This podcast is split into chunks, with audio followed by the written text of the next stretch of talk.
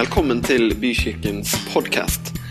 For mer informasjon om oss cvvvbykirken.no.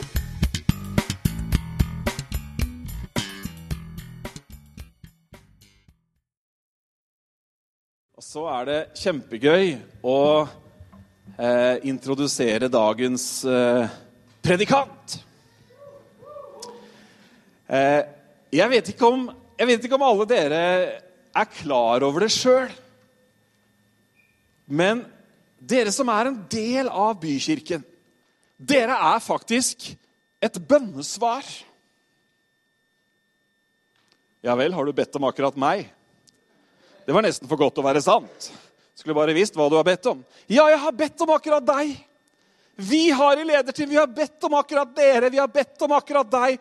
Og vi har opplevd de siste årene hvordan det har kommet folk til byen som har blitt en del av fellesskapet, og som har berika oss, og som har vært med å bære og som har vært med og tatt ansvar. Og Jeg kunne liksom begynne å nevne ulike navn og familier her, det skal jeg ikke gjøre, men, men Toril og Gisle og gutta Kristoffer, Andreas og Edmund, det er ett av bønnesvarene som vi har fått her i Bykirken. Så hvis du lurte på hvordan et bønnesvar ser ut så hvis du lurte på hvordan et bønnesvar ser ut, så får du snart se noen. og Én har skjegg med solbriller, og en annen har gjemt seg et eller annet annet sted. og Toril sitter på første rad osv. Men dere Toril, som vi skal få høre nå, hun er eh, en viktig brikke i ungdomsarbeidet som vi har starta. Til daglig så jobber hun med lederutvikling, verdibasert ledelse, coaching osv. Så, videre. så Så hun jobber med mennesker. Og så har hun et hjerte for Guds rike, som er så stort at det, det, er veldig vanskelig å snakke noen minutter med henne uten at det på en måte kommer ut på en eller annen måte. Det er min erfaring i hvert fall. Og eh, Vi har ikke hørt henne her på søndag, sånn som vi får uh, høre henne nå. Men det er ikke sikkert det blir siste gangen heller. Det får vi se. Kommer an på terningkastene dine etterpå. Nei da, det var en spøk. Men uh, jeg vet at han har lagt noe på hjertet ditt, han der oppe, Toril. Så vi får opp et bord og et glass vann, og så er det veldig hyggelig å ønske Toril Grave velkommen.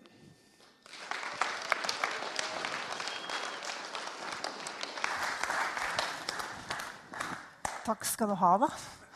Ja, det er spennende med de terningskastene. Um, du pleier ikke å spørre oss om det når du preker. Kanskje vi skal Ok. Du, uh, gøy å stå her. Jeg har lyst til å begynne med å fortelle om noe som skjedde i familien vår forrige påske. Da var vi på ferie i California. Og en av de første dagene eh, når vi var i Los Angeles, så dro vi hit. Dette er da Staples Stadium, hvor Los Angeles Lakers eh, spiller basketkamper NBA.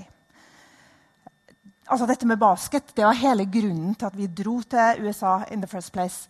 Uh, og det største som skulle skje denne ferien, var at vi litt senere skulle på kamp på den stadion her. Dette var ikke den dagen. Nå var vi her rett og slett bare for å gå der de store stjernene har gått, og ikke minst ta bilder. Her er Kristoffer foran Magic Johnson. Fantastisk stor basketstjerne. En stor opplevelse å være der. Noen dager senere så kom denne dagen hvor vi skulle på kamp. faktisk komme oss inn der. Eh, så viste det seg at eh, vi hadde kjøpt VIP-billetter uten at vi helt var klar over det. Så vi, eh, vi kom oss da inn ganske kjapt når vi fant ut det, og kom inn på denne arenaen. Og noe av det aller første som skjedde da, var dette. Dette er Magic Johnson. Altså, Gisle og jeg visste ikke hvem altså Gisle trodde det var Michael Jordan. Eh, og sa til Kristoffer bra, da har jeg Michael Jordan-skoene dine. og sånn. Men det var det ikke. Kristoffer identifiserte eh, Magic, gikk bort og fikk snakke med han, fikk ha en samtale med han, snakke med han og ta bilde. Veldig stort. Og han er veldig stor. Du ser ikke, her, han er veldig, veldig stor på mange måter. Dette var en større opplevelse dere, enn å eh, ta bilde ved en statue. Og så kan vi på en måte, eh, for å dra den litt lenger, kan vi se for oss et ønskescenario. da.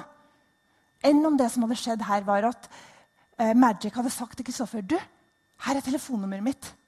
Ring meg når som helst hvis du vil ha litt sånn basketoppfølging og litt coaching. Jeg kan bli din PT. Jeg skal følge med deg alltid. Og når du vil snakke med meg, så bare ta kontakt. Det skjedde ikke, da. Det, men det hadde vært veldig veldig kult hvis det hadde skjedd. Enda kulere enn å få den ene, ene samtalen. Jeg skjønner sikkert hvor jeg vil med dette. Prøver å lage et bilde her da. For det fins en som er større enn Magic Johnson. Som faktisk har skapt Magic og alle de andre basketballspillerne og deg og meg. Og han har på en måte gitt oss telefonnummeret sitt. da. Det er det som er pinse, er ikke det? At vi kan ha denne kontinuerlige kontakten. Han som har skapt hele universet, deg og meg. At vi faktisk kan ha kontakt med han, det er stort. Um, og det at Den hellige ånd har kommet um, fra pinse, det gjør jo at han er her sammen med oss nå. Og så er han i gata hos de andre kirkene og så over hele verden samtidig. Det kan ikke Magic være mange steder på en gang. Det kunne ikke engang Jesus når han gikk rundt her i sin egen person. Men det kan Den hellige ånd. Eh, og så vet jeg at det bildet med Magic eh, på en måte som et bilde på altså telefonnummeret, det halter litt. fordi at det er jo ikke sånn for meg i hvert fall, at når Den hellige ånd taler, så hører jeg den stemmen like tydelig, og at jeg ser det like tydelig. Så det er ikke akkurat det samme. Min kommunikasjon med Den hellige ånd hviler jo på tro. Eh, men, men, selv om bildet kanskje halter litt, så har jeg valgt å ta det med. For jeg tror at vi noen ganger glemmer litt hvor stort det egentlig er da, at vi kan ha direkte kontakt. Og det, når vi på en måte, å, så stort det var å treffe Magic, så ble det en litt sånn påminnelse for meg. At ja, det var enda større at vi faktisk kan eh, ha kontakt med Gud. Og det, det, at vi kan ha den kontakten, det er et godt bakteppe for det som jeg har lyst til å dele med dere i dag. Eh, Temaet som er sagt, er 'Søk Gud'. Det som skjedde, skjønner at Jeg snakka om dette på Pace på fredag. Eh, og så sa, spurte Bent Ove om jeg kunne si eh, det på en søndag òg. Så ble det nå. Så de som var på Pace, de har kanskje hørt det litt før. Men sånn er det. Det er ikke farlig å høre det igjen. Eh, jeg vil begynne med ja, Jeg har lyst til å si en ting først. Denne oppføringen, 'søk Gud', den kan komme fra minst to perspektiver. ene perspektivet kan være sånn her Å søke Gud, det bør du gjøre, altså det er nok en ting som du bør få på plass i livet ditt. Skjerpe deg og ta deg sammen og søke Gud. Det er ett perspektiv. Et annet, ganske annet perspektiv er det å søke Gud. Det er faktisk noe du kan få lov til. Det er en mulighet som ligger der åpen. Så håper Jeg har lyst til å komme derfra i det jeg sier i dag. Men så vet jeg at hva vi hører, er jo prega av hvor vi er, hva vi har hørt. Hvis du opplever det jeg sier, som en Åh, nok en ting som du må gjøre. Så kan du bare la være. Det er helt greit. Eh, jeg ønsker å, komme, eh, å gi en oppfordring til noe som faktisk er mulig. Eh, hvis, men hvis du er litt sånn åh, så oppfordrer jeg til å lytte til det her og si, da, for jeg tror jo at perspektiver kan skifte. Så la oss nå se hva som skjer. Vi må begynne med bibelvers. Da Da trodde jeg skulle få det der, men det fikk jeg ikke. Ok, Kolosserne 3. Er dere da reist opp med Kristus, så søk det som er der oppe. Der Kristus sitter ved Guds høyre hånd. Jeg kan ikke helt utenat. La deres synd være vendt mot det som er der oppe, ikke mot det som er på jorden. Det er en oppfordring til oss som kristne at vi skal fokusere oppover. Fokusere på Guds rike. Veldig mye annet vi også skal fokusere på, som tar oppmerksomheten. Men dette er en oppfordring. Et bibelvers til. Søk først Guds rike og hans rettferdighet så skal dere få alt det andre i tillegg. Dette er to av de skriftstedene som jeg har måte, hatt som inspirasjon til det som jeg skal dele med oss i dag. Og når jeg snakker, så snakker jeg til dere og til meg og til oss alle sammen, for dette er noe som jeg håper og ber om å komme enda mer inn i også selv. Uh, ja, søk Gud. Dette er jo noen ganger, da så er dette en sånn lengsel som jeg kan kjenne sånn Å, jeg bare må søke Gud. Det er ikke så ofte, da, men noen ganger er det sånn. Eh, F.eks. når jeg gikk på videregående. så I 3FY-boka mi så var det et bilde som ligner litt på det universet som jeg viste i stad. Når jeg så det bildet husker jeg i fysikken, så fikk jeg sånn Jeg kan ha kontakt med Gud. Da kjente jeg en lengsel. Noen andre ganger også kan, kan det komme over meg. Og man kan ha det sånn som det står i salmene. Liksom et eller annet sted. Som hjorten lengter etter bekker med vann. Sånn lengter min sjel etter deg, Gud. Det, sånn kan det være noen ganger. Men stort sett for meg så er det ikke sånn. Det er ikke sånn at det er en sånn sterk lengsel. Stort sett for meg så handler dette om noe jeg bestemmer meg for. Søke Gud, det er noe jeg bestemmer meg for. Så det er mitt første punkt. Å søke Gud er noe du bestemmer deg for.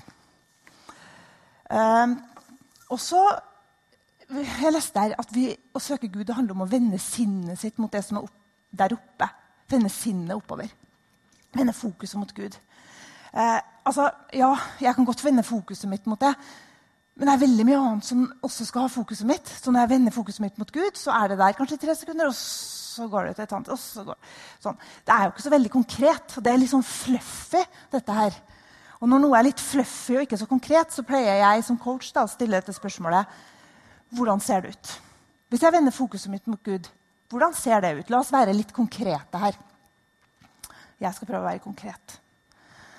Jeg tror for de fleste av oss um, så kommer dette med bønn ganske langt opp. Når, hvordan det ser ut når vi vender fokuset mot Gud.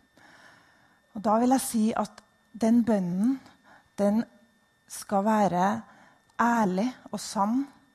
Bent Ove siterte 'sannhetens ånd'. Når vi søker Gud, så må vi være sanne. Når vi ber og søker Gud, så håper jeg at vi kan både si til Gud hva vi tenker på, men at vi også kan ta litt tid til å lytte. Og Det kan jo kanskje være litt umotiverende hvis vi ikke alltid hører eh, så veldig tydelig hva Gud sier. Men det jeg pleier å gjøre, er jeg pleier å ta en bok og så en penn og så tenker jeg, hm, hvis Gud skulle sagt noe til meg nå, hva hadde han sagt da? Og så kan jeg tenke jeg, og så får det være Guds sak om han faktisk sier noe. Dette med ærlighet i bønn. Jeg vet ikke om dere husker den filmen 'Søndagsengler'? Noen som husker den? Det var veldig gammel. Da. Noen. Det, ja, noen som husker den. Der var det en veldig herlig kommentar. Synes jeg. Det var ei ung jente. Hun strevde litt i forhold til tro og Gud.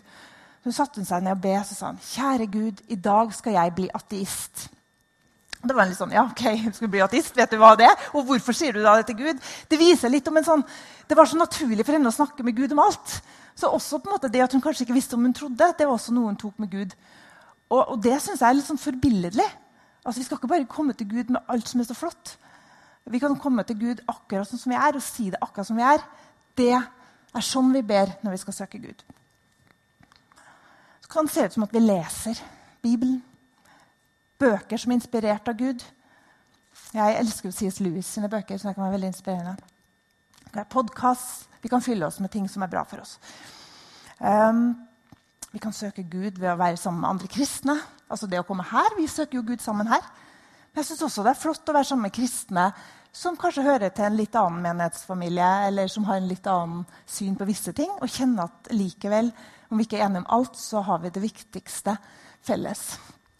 Være til stede for noen som trenger meg, flytte fokuset vekk fra meg sjøl overfor andre. Det er også en måte å søke Gud. Det skal jeg komme litt tilbake til. Og sette Gud på agendaen i samtaler. Bent Ove sier at jeg snakker så mye om det her. Jeg bare liker ikke å snakke om sånn helt overfladiske, kjedelige ting. Uh, og jeg, uh, jeg både, Hjemme så prøver vi å snakke om det som virkelig betyr noe. Det som er spennende, og det, dette er ikke bare Gud, det er mye annet som betyr noe. Men det på en måte å sette dette på agendaen, det, det er en måte å få fokuset mitt på dette her. Siste praktiske oppsøke steder der jeg er tilgjengelig. Mange sier at Gud er så nær i naturen. Eller Gud er så nær hvis jeg går inn i en kirke. Jeg tror Gud er like nær overalt. det. Men jeg tror kanskje at vår evne til å merke det er litt sånn forskjellig. Uh, basert. Så at, at Jeg tror Gud er like til stede på Farmannsredet som i domkirka. Eller her. Men det er kanskje bare at uh, når vi er på Farmannsredet, så er ikke vi så tilgjengelige. Så jeg tror at det å gå en tur for seg sjøl i naturen det er en måte å gjøre seg tilgjengelig på. Eller jeg er jo veldig mye på reise. Jeg elsker å gå inn i en kirke, sette meg og være stille. Eh, ikke for at jeg tror at Gud er nærmere, men fordi at jeg er tilgjengelig. Det er noen praktiske ting hvordan man kan søke Gud. Men dette her, nå så jeg snakker om det og Dere har hørt det før. Dere har tenkt det før. Eh, men det at vi snakker om det og løfter det høyt, det betyr jo ikke nødvendigvis at dette, nå blir dette den nye hverdagen vår. Det som skal til, da, tenker jeg at ja, vi lar oss inspirere av Guds ord, men det skal også en, mange aktive bestemmelser til. Ja, dette vil jeg. Det er faktisk så verdifullt for meg at jeg vil søke Gud. For vi velger jo hver dag. Det er jo ikke sånn at Vi skal bestemme en dag for resten av livet. Vi velger hver dag hvordan vi bruker tida vår. Og så er jeg klar over at når jeg står og sier dette her, så hvis du ser på en liste her, da Herlighet, prestasjonsreligion. Er det sånn flinkisopplegg, da, Toril?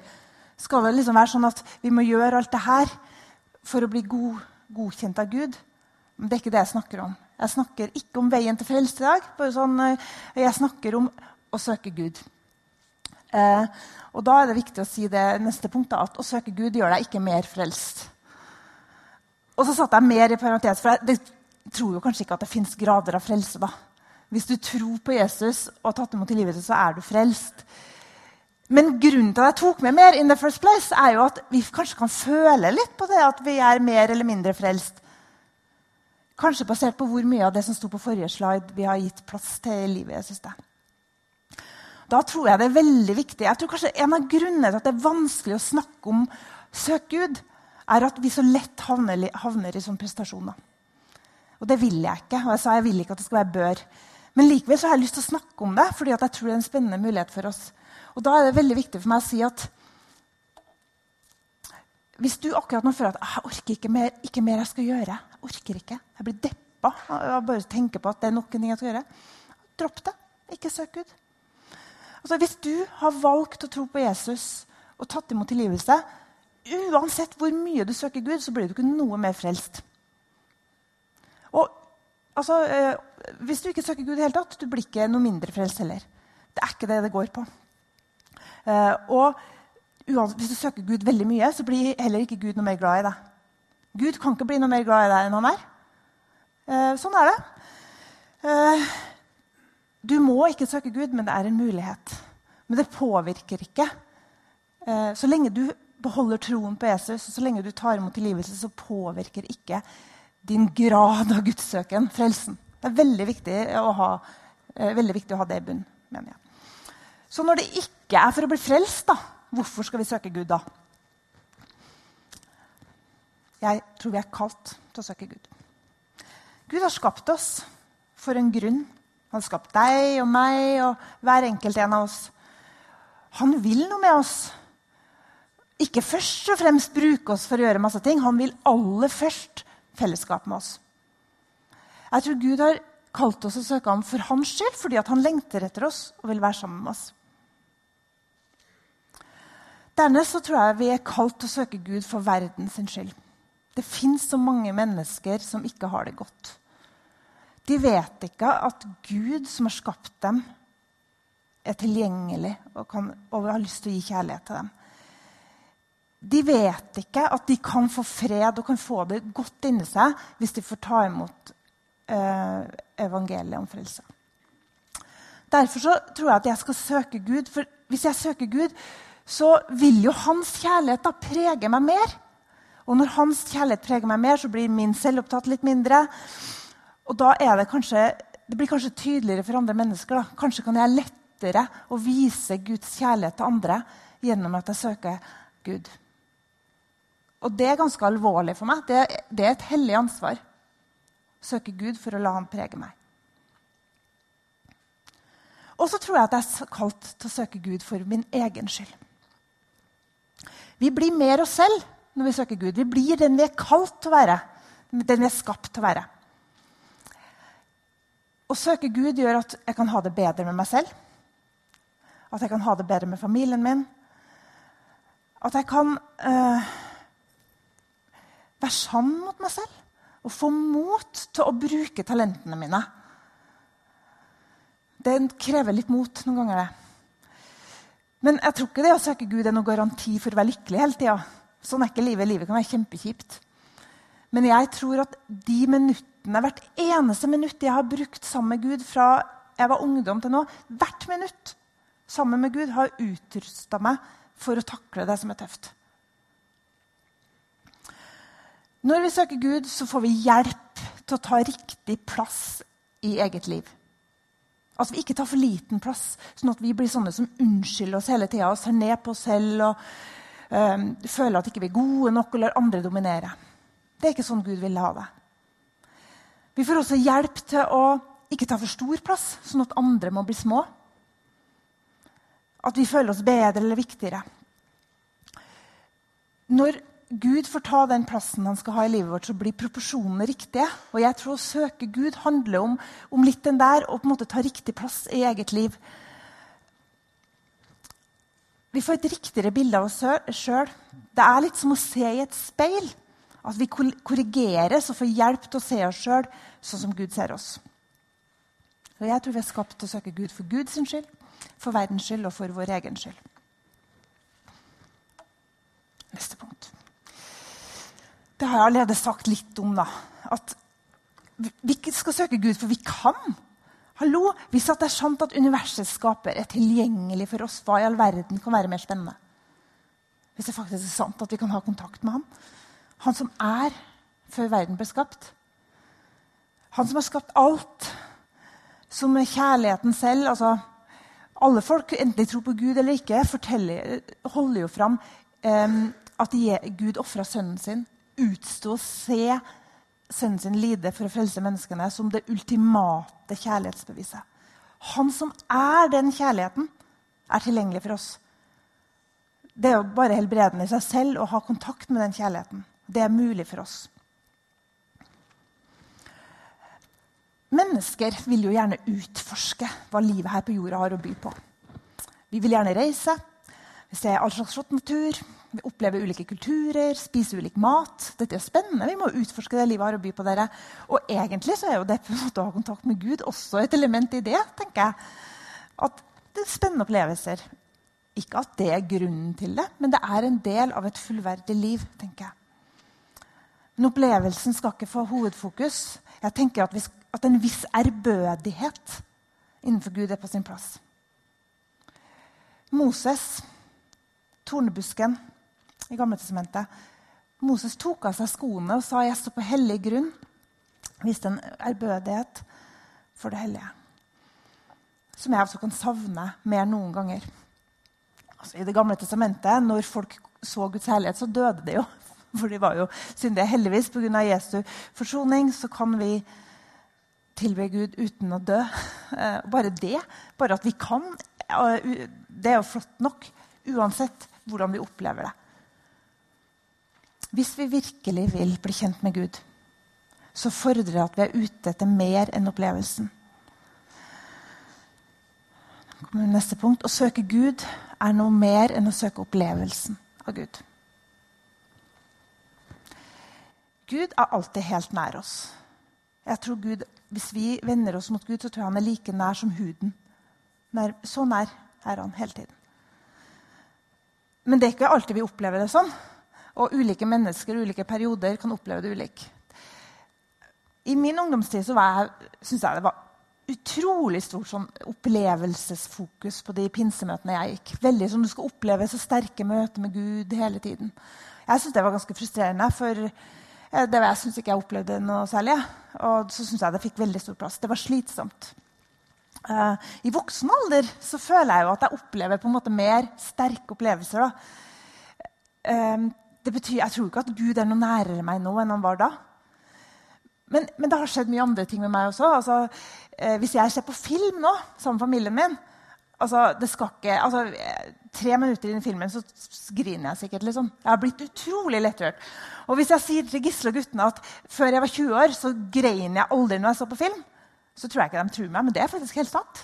Jeg, lot meg ikke liksom berøft. Det var liksom ikke sånn. Så jeg tenker at det har jo ikke bare med hvor nær Gud er, hvordan vi opplever ting. Det har jo litt med hvor vi er, og personligheten vår. Og det har litt med hvilke historier vi forteller oss selv. Så jeg drar til kirke med denne innstillingen at hver gang jeg synger lovsanger, så møter jeg Gud på en herlig sterk måte. Ja, Da kan jo det kanskje bli en selvoppfyllende profesti i seg selv. da. På samme måte som at hvis jeg kommer og at, ja, jeg orker ikke her opplevelsesgreiene, jeg opplever aldri noe likevel. Også en selvoppfyllende profeti. Dagsformen kan ha mye å si. Selvfølgelig finnes det eksempler på at uh, mennesker i historien har møtt Den hellige ånd på en sånn overnaturlig måte, selv om ikke de var innstilt på det. Ja, det fins, men det er ikke kanskje det vanligste. Jeg tror det vi kan gjøre, er at vi kan vende oss mot Jesus, og så får det være opp til ham. Det kan være fint for noen å få oppleve sterkt Guds nærvær, for det kan være lettere å få fokus. Det kan være lettere å få ærefrykt for Gud. Det kan være lettere å, å bli oppmerksom på hva vi skal bruke livet vårt til. Men jeg tenker at det skal ikke være et fokus i seg selv. La oss være åpne alltid og være sårbare. Fordi at når vi ønsker å nærme oss Gud, så handler det også om å gjøre oss sårbare. La oss berøre. Jeg liker metaforen å leve med åpne hender. Både for å ta imot og for å kunne gi videre. Alltid. Um, så det er viktig å tenke at um, mine følelse, følelsesmessige opplevelser det er ikke kjernen i evangeliet. Og det skal heller ikke være kjernen i vår tro eller sentrum for vår oppmerksomhet. Jesus er ikke en godterimaskin, så at du putter på x antall timer bønn og y antall intenst fokus i lovsangen, så pop, kommer du til en opplevelse. Det er ikke sånn det er. Han er hellig. Eh, og opplevelse med Gud kan ikke bestilles, men eh, får du en opplevelse, så er det fint så må jeg jo si at Gud har jo skapt oss med et rikt følelsesregister. Og det er jo ikke bare Gud og det onde som påvirker det. Det kan hende at det virker sånn at noen tror det noen ganger. At alle følelser kommer liksom fra enten det. Sånn er det ikke, tror jeg.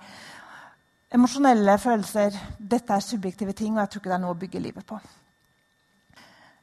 Når det er snakk om sånn åndelige eh, opplevelser, så tror jeg vi heller skal se på hva skaper disse opplevelsene i disse menneskenes liv. Hva er frukten? Så kan vi snakke hva det er. Ehm, de som søker Gud over tid, vil ikke fokusere først og fremst på følelser. For når vi lever i en søken av Gud og lever i lyset, så vil vi oppleve at grumset i oss sjøl kommer til overflata. Altså, Å søke, Gud, søke Gud handler også om det å si 'her er jeg', med alt det som også ikke er bra. Det kan være veldig ubehagelig å komme dit at man ser at uh, mine egne motiver er kanskje ikke så rene som jeg tror, trodde de var. Eller man kan se at man kanskje er mer selvlevende eller egoistisk. Eller kanskje har mer frykt enn man egentlig trodde. Å søke Gud må gjøres i sannhet. Vi må være ærlige med oss sjøl. Våge å se, ta et ærlig blikk i speilet. Og det er trygt sammen med Gud.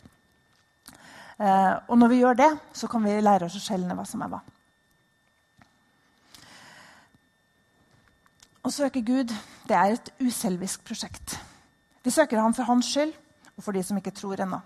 Hvis vi kommer fra det opplevelsesperspektivet, hvem er det som er i sentrum da? Jo, da er det fortsatt oss sjøl. Jesus har lyst til å være sentrum i våre liv. Og som jeg sa tidligere, Da tar vi riktig plass i eget liv også, hvis vi lar ham få den plassen. Og det som er kult da med Jesus, er at Han bruker jo gjerne den plassen som sentrum til å utfordre oss til å se andre og til å gjøre noe for andre.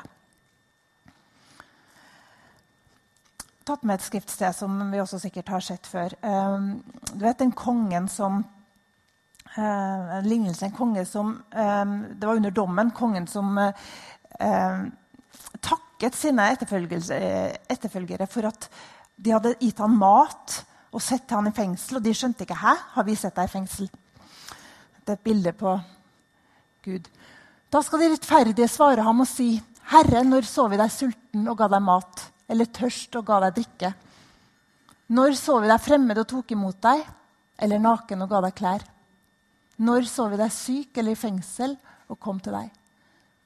Og kongen skal svare og si til dem, sannelig sier jeg dere, alt dere gjorde mot disse mine minste brødre, gjorde dere mot meg.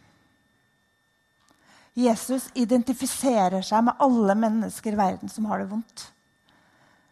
Og når han får være sentrum, så kan vi også bli kalt og rista litt ut av vår boble, sånn at vi også kan se den nøden. Jeg snakker ikke bare om at, folk skal bli kristne, det også, men jeg snakker om all den andre nøden også, som vi kan se, la oss bli berørt av og forholde oss til og prøve å gjøre noe med. Jeg tror at Gud oppriktig ønsker og lengter etter at hans barn skal være representanter for han, hans hender og føtter, og bidra til å gjøre noe med dette. Og så tenker jeg med litt sånn hjertesukk tilbake til en yngre utgave av meg selv som brukte veldig mye energi på disse følelsene som ikke, følelsesmessige opplevelsene som ikke var der. Og så tenker jeg at jeg har heller lyst til å oppfordre oss, hvis man ikke føler så mye, da, så stol på at Gud er nær. da. Get over yourself. Og, og, ja, men nå heller tenk på hva kan vi gjøre for andre. Det var først og fremst kanskje til meg eh, tidligere, men kan hende at det er til noen andre òg. Å søke Gud handler ikke om oss. Vi er kalt til å ta opp kors, korset vårt og følge ham. Johannes døperen er mye sitert. Han skal vokse, jeg skal avta. Dette er ikke et selvutviklingsprosjekt. Det er ikke et selvisk prosjekt. Ikke. Det er et uselvisk prosjekt. Å søke Gud er å gjøre deg selv tilgjengelig for Gud. Når er du tilgjengelig for Gud? Vi feirer pinse til, til minne om at Den hellige ånd har kommet. Vi har fått talsmannen. Som jeg sa, jeg pleier ikke å se ham eller høre ham fysisk. Men jeg tror likevel at han vil veilede meg og kommunisere med meg. Jeg tror det. Og den troen deles av kristne i alle kirkesamfunn i henhold til trosbekjennelsene. Jeg tror det. Og da er spørsmålet hvordan skal det skje? Og når? Når i løpet av uka liksom, skal dette skje? Tenk litt praktisk. Altså, det er ikke alltid jeg klarer å gjøre meg selv tilgjengelig for Gisle som sitter ved siden av meg i sofaen en gang. Som jeg fysisk ser og hører. Fordi at jeg er så inne i en tanke eller en planlegging eller en bekymring eller veldig på telefonen. Veldig, veldig tilgjengelig for det som skjer på telefonen. Uh, noen ganger så er jeg liksom sliten at jeg prioriterer heller å se fire Netflix-episoder enn å snakke med familien. Liksom. Sånn er det noen ganger. Eh, og så lurer jeg på da når skal jeg gjøre meg tilgjengelig? Når skal den veiledningen som Den hellige ånd vil gi meg, når skal den skje? Når, når mennesker som, fy, som, jeg fysisk ser, og jeg fysisk hører, ikke helt når inn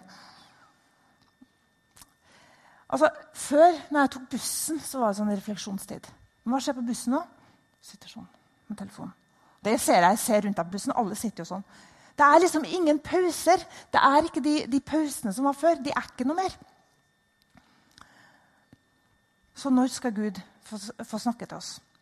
Jeg har lyst til å vise dere en fyr. Antonius. Han levde midt på 200-tallet i Egypt. Han blir ofte kalt ørkenfedrenes eh, far, eh, eller klosterbevegelsens opphavsmann.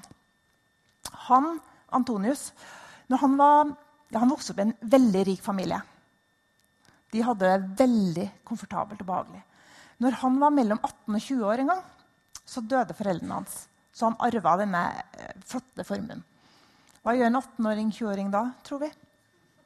Ikke det han gjorde. For før det har gått et halvt år, etter han arva dette, så hadde han gitt bort det beste delen av landet sitt til naboen. Alle resten av pengene hadde han solgt og gitt til de fattige. Og så hadde han flytta til ørkenen. Fordi han følte at all den komforten han hadde, kom i veien for det aller viktigste, og det var relasjonen med Gud og søke Gud. Hvor mange 18-åringer altså I dag jeg tenker på min ja. Nei, altså, ja, men, men det gjorde han. Og han gjorde det han sa det, og Ørkenfedrene de, de snakka veldig ofte om denne, det som står i Bibelen, den skatten i åkeren. ikke sant? Det var noen som fant en skatt i en åker, og det var så verdifull den skatten at de solgte alt for å kjøpe åkeren for å få den skatten. Det var så verdifullt for dem. Antonius han var sikkert en skikkelig pinsevenn. Han, det ble sagt, det var masse tegn og under. og sånn som følte han. Folk kom til ham der han var ute i ørkenen. Han levde med Gud. Uh, men men det var, det, dette begynte å skje etter at han hadde levd han hadde vært de ti første årene i ørkenen. Så var, hadde han det kjipt og hadde fristelser. og sånn. Men han holdt ut og ba og søkte Gud. Og så begynte ting å skje. Så tenkte jeg, ok, Er det det som er veien? Jeg, jeg, jeg, sier ikke at vi skal gjøre dette, men jeg, det som jeg lar meg inspirere av her, da, og av folk som velger et annerledes liv, f.eks.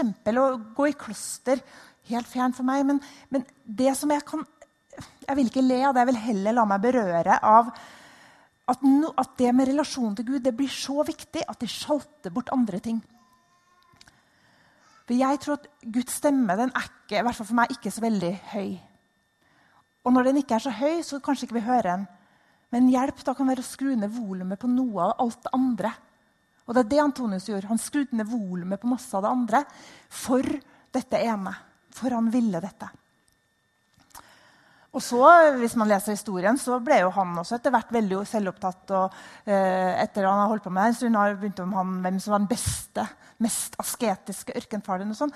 Det er alltid en fare for at en praksis går over i selvhevdelse.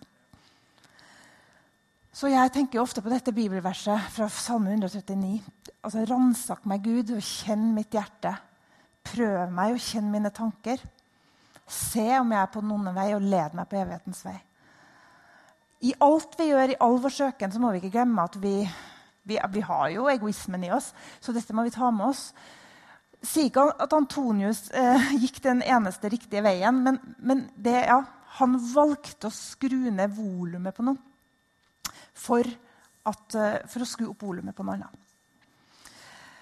Jeg tror det er vanskeligere enn noen gang i dag å søke Gud, fordi jeg tror vi er på hele tiden. Det er vanskelig å finne den arenaen hvor vi er tilgjengelig. Og da, da folkens som skal hjelpe meg Nå har jeg et spørsmål til deg. Nå har jeg snakka lenge. Um, jeg skal snart avslutte, men før det så vil jeg at du skal tenke over en ting. Hvordan kan du gjøre tilgjengelig for Gud? Uh, nå kommer det noen og deler ut noen sånne Post-It-lapper og penner. Uh, og dette er selvfølgelig helt frivillig, men jeg har hengt opp to flippovere. Uh, bare Vær så god, kom inn. Jeg skulle gi tegn, skjønner jeg. var kanskje ikke tydelig nok. Tegn. Tegn. Uh, vil at, ta, at vi kan ha det stille et par minutter, så kan du tenke hmm, Hva kan du gjøre for å gjøre deg selv tilgjengelig for Gud?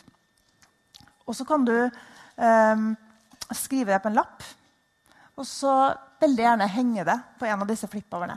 Trenger ikke å skrive navn, men da kan vi, kan vi, samle det der. Det er ting vi kan gjøre. Mm. Da lar jeg det Og så skal jeg si noe i to og et halvt minutt etter det. Men da, da gjør vi det nå. Er det noen spørsmål? Nei. Jeg ber om at vi kan ha det litt stille, at vi kan tenke og be spørre hva kan jeg gjøre for å gjøre meg selv tilgjengelig for Gud.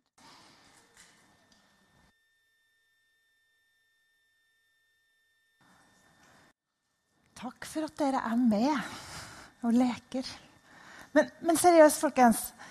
Hva, hvis vi gjør dette, det som vi har skrevet på lappen, nå, hvis vi, vi bestemmer oss så gjør vi det, hva er annerledes om et halvt år? Hva er annerledes for meg i livet mitt? Familien? Vennegjengen? Hva er annerledes i kirka vår? I Tønsberg. Det er egentlig bare én måte å finne ut det på. Det er å gjøre det. Så oppfordringen gitt. Og så vil Gud hjelpe oss. Jeg har lyst til å helt kort repetere hva jeg har sagt til dere.